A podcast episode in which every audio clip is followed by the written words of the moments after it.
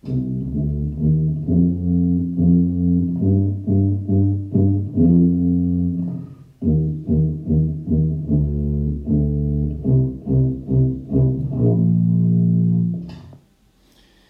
podkasten skal vi snakke litt om Pythagoras, og vi skal eh, løse oppgave 19 del 1 og oppgave 9 del 2 fra vår 2019 på øh, eksamen. Eh, jeg har med meg deg, Thea, som gjest her i dag. Hei, hei. Hei. Eh, og, eh, så nå får jo også da eh, elevene i 10GH eh, besøk av naturfaglæreren sin i denne podkasten. Det stemmer. Matematikeren vi skal snakke om i dag, det er Pythagoras.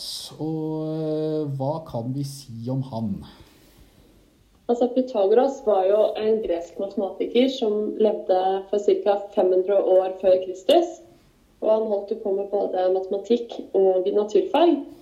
Og vi kjenner han vel best da for denne kjente læresetningen da, som heter Pythagoras. Mm, og den er altså Pythagoras læresetning, den er Eh, Katet i andre pluss katet i andre er lik hypotenus i andre. mm. Og eh, eh, han var jo, eh, han var jo en, han var jo en superkjendis i sin tid på mange måter. Eh, jeg har tenkt på det at og Som jeg har sagt til elevene flere ganger når de spør hva het Pythagoras til, til fornavn, så, så, vet, så er jo ikke det Han har jo ikke noe fornavn. Og det er jo litt sånn som, sånn som disse renessansekunstnerne, Michelangelo og Raphael, og også i våre dager med brasilianske fotballspillere på, på 70-tallet med Pelé og Zico, og, eh, og popsangere på 80- og 90-tallet med Cher og Madonna. Altså superstjerner, de har bare ett navn. Og Pythagoras han var jo superstjerne i sin tid. Absolutt. Han var jo også, kan jo også fortelle en historie om at han, eh, han hadde en elev som uh, motstrida noe av, noen av teoriene hans. Blant annet så var det det at uh, han mente at eh, eh, kvadratroten av to var et irrasjonalt tall, og det hadde han jo helt rett i. At, uh, altså et irrasjonalt tall, at det ikke Det stopper ikke med desimalene. Det går ikke an å, å få et, eh, et ende på svaret, akkurat som pi også er et irrasjonalt tall. så så eh, mente han at det var eh, et irrasjonalt tall. Og de andre elevene de syntes det her var så ille at han eh, hadde motsagt seg det som eh, læremesteren og superstjernen hadde sagt, så de kasta han i havet, og så han drukna. Så, eh, så sånn var det for superstjernen den gangen. Eh, ingen skulle motsi dem. Men eh, Pythagoras han eh, kom altså med denne her eh, eh, læresetningen sin. eh, Og eh, det er jo ikke alle oppgaver som, eh, som liksom eh, er sånn eh, rein ved hjelp av Pythagoras. Som regel så må man jo tenke seg litt fram til hvor kan jeg bruke Pythagoras hen? Eller eh, kan jeg bruke Pythagoras i den setningen, i den, eh, i den oppgaven her? Og eh, du nevnte jo i stad noen eksempler på eh, hvor er det vi bruker Pythagoras-formel når vi eh, regner eh, matematikkoppgaver? Ja, for det er jo sånn at eh, mange, og særlig elevene kanskje, som stiller seg spørsmål i forhold til hvor er det man får bruk for dette her. Og det er jo spesielt da når man har eh, rettvinklede trekanter, så vet man da to av sidene, og så ønsker man da å finne ut den siste som er ukjent. ukjent. Og da er det spesielt hvis du da har sagt en rettvinklet trekant, eh, så har du to av sidene som er de to korteste. De kalles kateter. Mens du har den siden som da er lengst, som er ovenfor den 90-graderen i den rettvinkla trekanten, som da kalles hypotenus. Eh, Og da vil man kunne bruke den formelen som vi nevnte i stad, med katet i andre pluss katet i andre er lik hypotenuse i andre.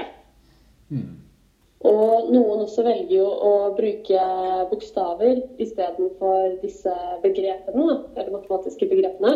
Og da sier de A i andre pluss B i andre lik C i andre.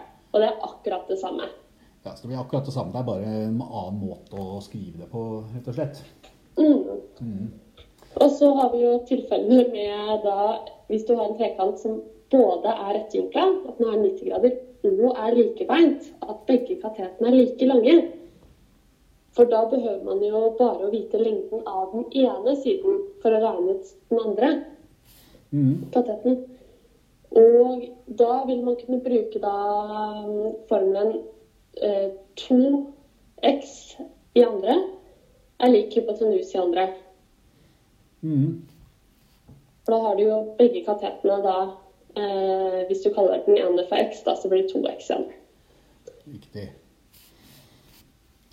Ja, skal vi da bare sette i gang og eh, prøve å regne de to oppgavene som, eh, som, vi, som vi sa. Eh, Den første, del 1, oppgave 19. Altså vi er da på eksamenssettet for vår 2019. Eh, Der eh, står det altså det at eh, figuren viser en rettvinklet trekant og tre kvadrater. Arealene av de to største kvadratene er 64 eh, kvadratcentimeter og 100 kvadratcentimeter. Så skal vi bestemme lengde av den korteste siden i trekanten. Og dette her, ifølge, ifølge Campus, så var jo dette en av de vanskelige oppgavene, men den er vel egentlig ikke så veldig vanskelig, er den det? Nei, man må jo bare bryte den ned, og så er det viktig at man da kjenner til eh, hva Pythagoras er. Fordi uh, vi ser jo da at det er en rettvinkla trekant. Og da skal disse to kvadratene til katetene være like store som det store kvadratet til hypotenusen. Så det kan vi bruke etterpå til å kontrollere om svaret vårt er riktig. Og så er det også viktig å merke seg i denne oppgaven at man skal løse oppgaven under, så det er viktig at man da skriver hele utregningen. Mm. Og Der står det jo sånt regn her, og da skal man vise utregning. Selv om det er på del 1, så skal man jo altså da vise utregning og vise at man har at man kan, eh, eller hvordan man har kommet fram til svaret. Ja, absolutt. Og så ser vi jo da at vi har fått oppgitt eh, tall på to av disse sidene. Og det er jo det vi trenger da for å finne den siste kateten, som da er ukjent. Vi vet da at arealet av en kvadrat, eller av et kvadrat, er da side ganger side. Så når vi da f.eks. har det største kvadratet, som er 100 cm i andre, som er 100 kvadratcentimeter, så må vi finne to tall vi kan gange sammen, som blir 100. Og i dette tilfellet da blir det jo 10 ganger 10, som er 100. Så hypotenusen er 10 cm. Og så tar vi den andre kateten, og der ser vi at den er 64 kvadratcentimeter. Og da, eh, ved å bruke gangetabellen, så vet vi at 8 ganger 8 er 64. Og vi vet da at eh, den lengste kateten er 8 cm. Så flytter vi da inn eh, disse tallene som vi vet, i formelen til Pythagoras. Så sier at katet i andre er, pluss katet i andre er lik hypotenus i andre. Og da får vi x i andre pluss 8 i andre er lik 10 i andre. Så er det viktig da at man flytter over disse tallene sånn at x skal stå alene. Og da er det viktig å huske på at når man flytter over da pluss 8 i andre, så må man bytte fortegn. Og da står vi igjen med eh, at x i andre er lik 10 i andre minus 8 i andre. Ja. Og da har vi fått x alene på én side, så da kan vi jo trekke litt sammen her sånn. Ja. Så trekker vi sammen tallene. Da får vi x i andre er lik 100 minus 64. Ja. Og da regner vi ut det videre og får at x i andre er lik 36. ja. Og så må vi løse, eller ta kvadratroten da, av x. For vi ønsker jo kun å finne ut hva x er. Ja, og her har vi jo ikke noe kalkulator å hjelpe oss med, for nå er vi på del 1. Men allikevel så klarer vi jo da altså 30, å finne kvadratroten av 36. Det klarer vi. Ja. For da er det igjen riktig å tenke på hva er det vi kan gange to like tall med for å få 36. Og ved å bruke gangetabellen da, så finner vi ut at 6 ganger 6 er 36. Og dermed er kvadratroten av eh, 36 6. Ja. Så hvis det er en oppgave som man regner med at, uh, her, at, man, at, man, ikke skal bruke kalkulator, så er det disse her kvadrattallene vi ender opp med, er det ikke det?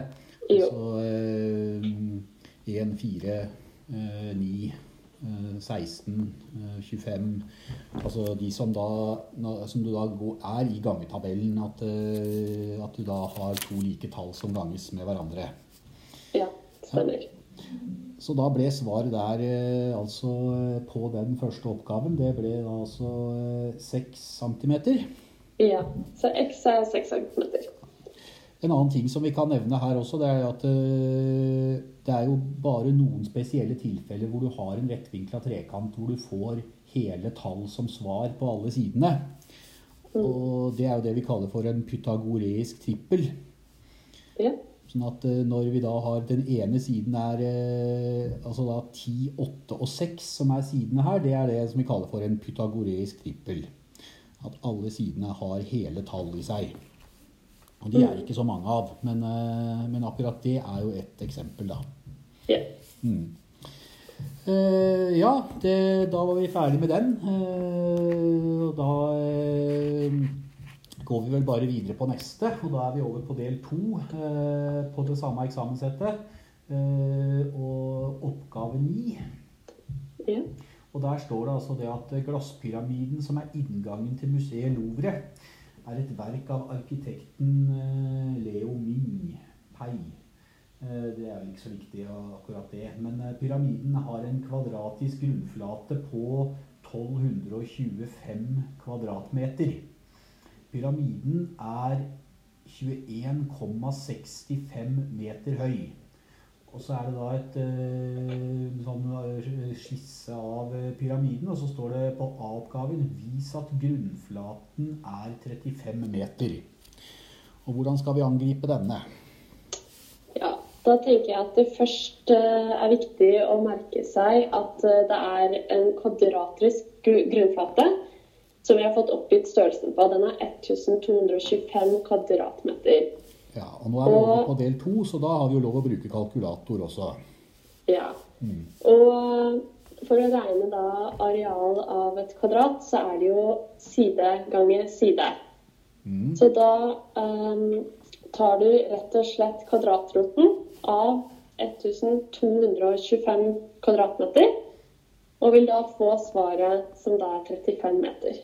Ja, og det er rett og slett det du behøver å gjøre på den oppgaven. Du skal bare altså Ja. ta eh, kvadratroten av 1225, og da får du 35. Ferdig med det svaret. Ja. Men så begynner det å bli litt mer vrient her, for så står det det at du skal vise eh, arealet av de fire sideflatene i pyramiden til sammen er omtrent 1950 kvadratmeter.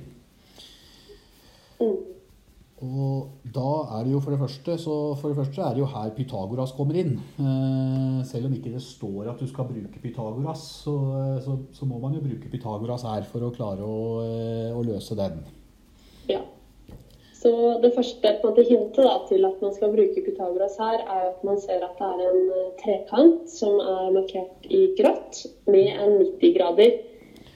Ja, Og eh, først da så leser vi i oppgaveteksten at vi har fått oppgitt at eh, pyramiden er 21,65 meter høy. Det betyr at da har vi jo den e eh, lengden på den ene kateten. Og så vet vi at eh, grunnflatesiden er 35 meter. Og eh, man får jo plass til da to sånne trekanter eh, ved siden av hverandre i grunnflaten. Eh, for å da, og vi vet da at grunnplaten er 35 meter lang, så da deler man rett og slett grunnplaten på to og får 17,5 meter. Og da har du den andre katetten. ja for den 90-graderen den er liksom halvveis ut i den eh, lengden på 35.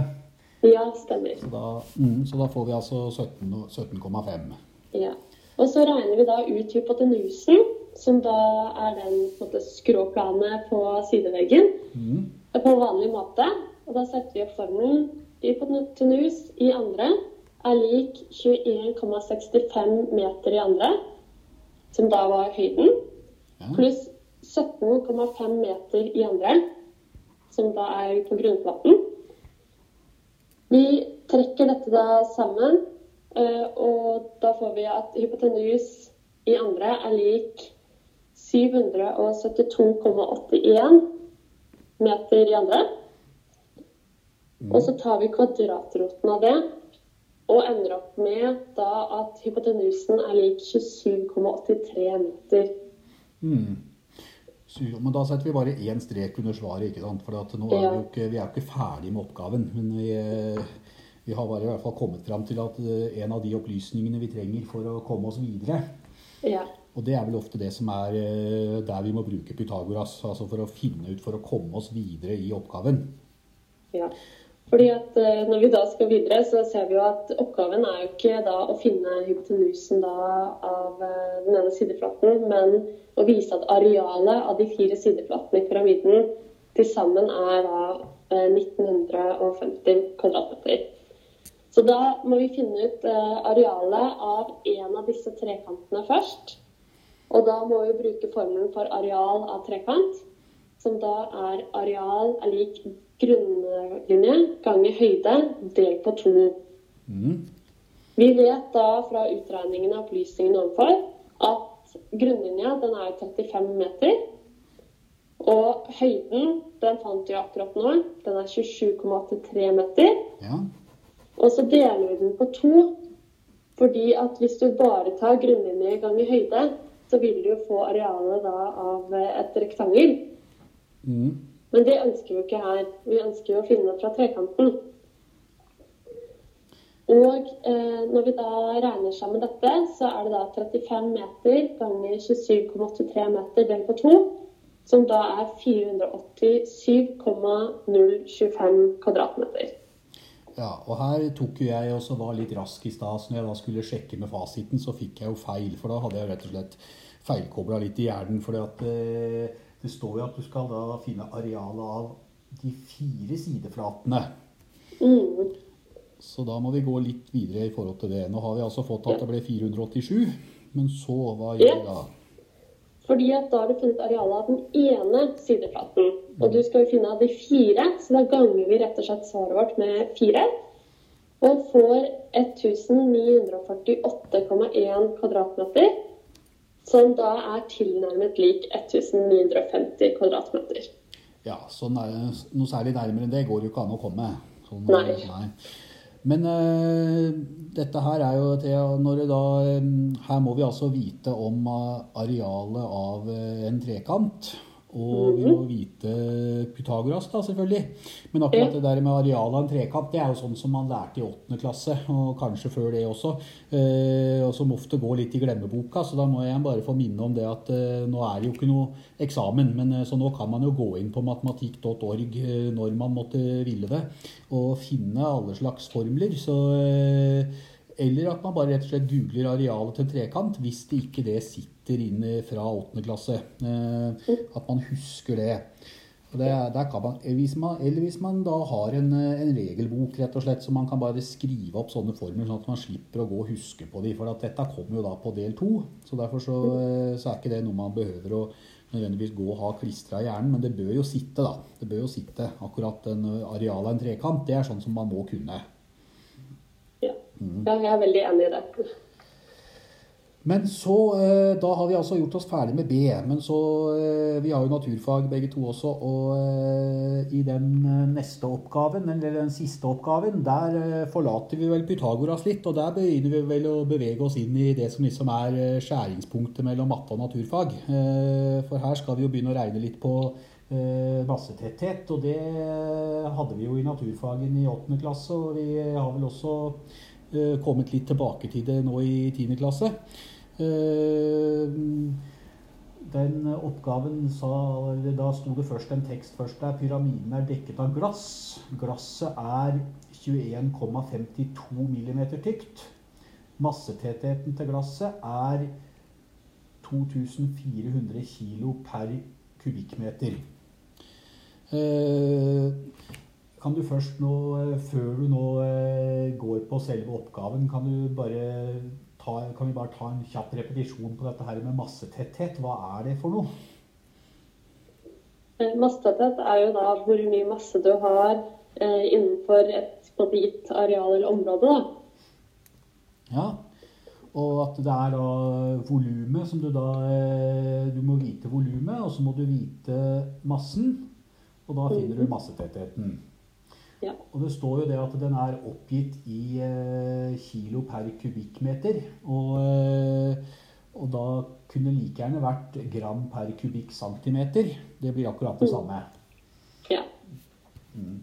Og det er jo litt av det den oppgaven går på i forhold til at de har forskjellige måleenheter. Så man må her være veldig bevisst på at man har den samme måleenheten når man regner.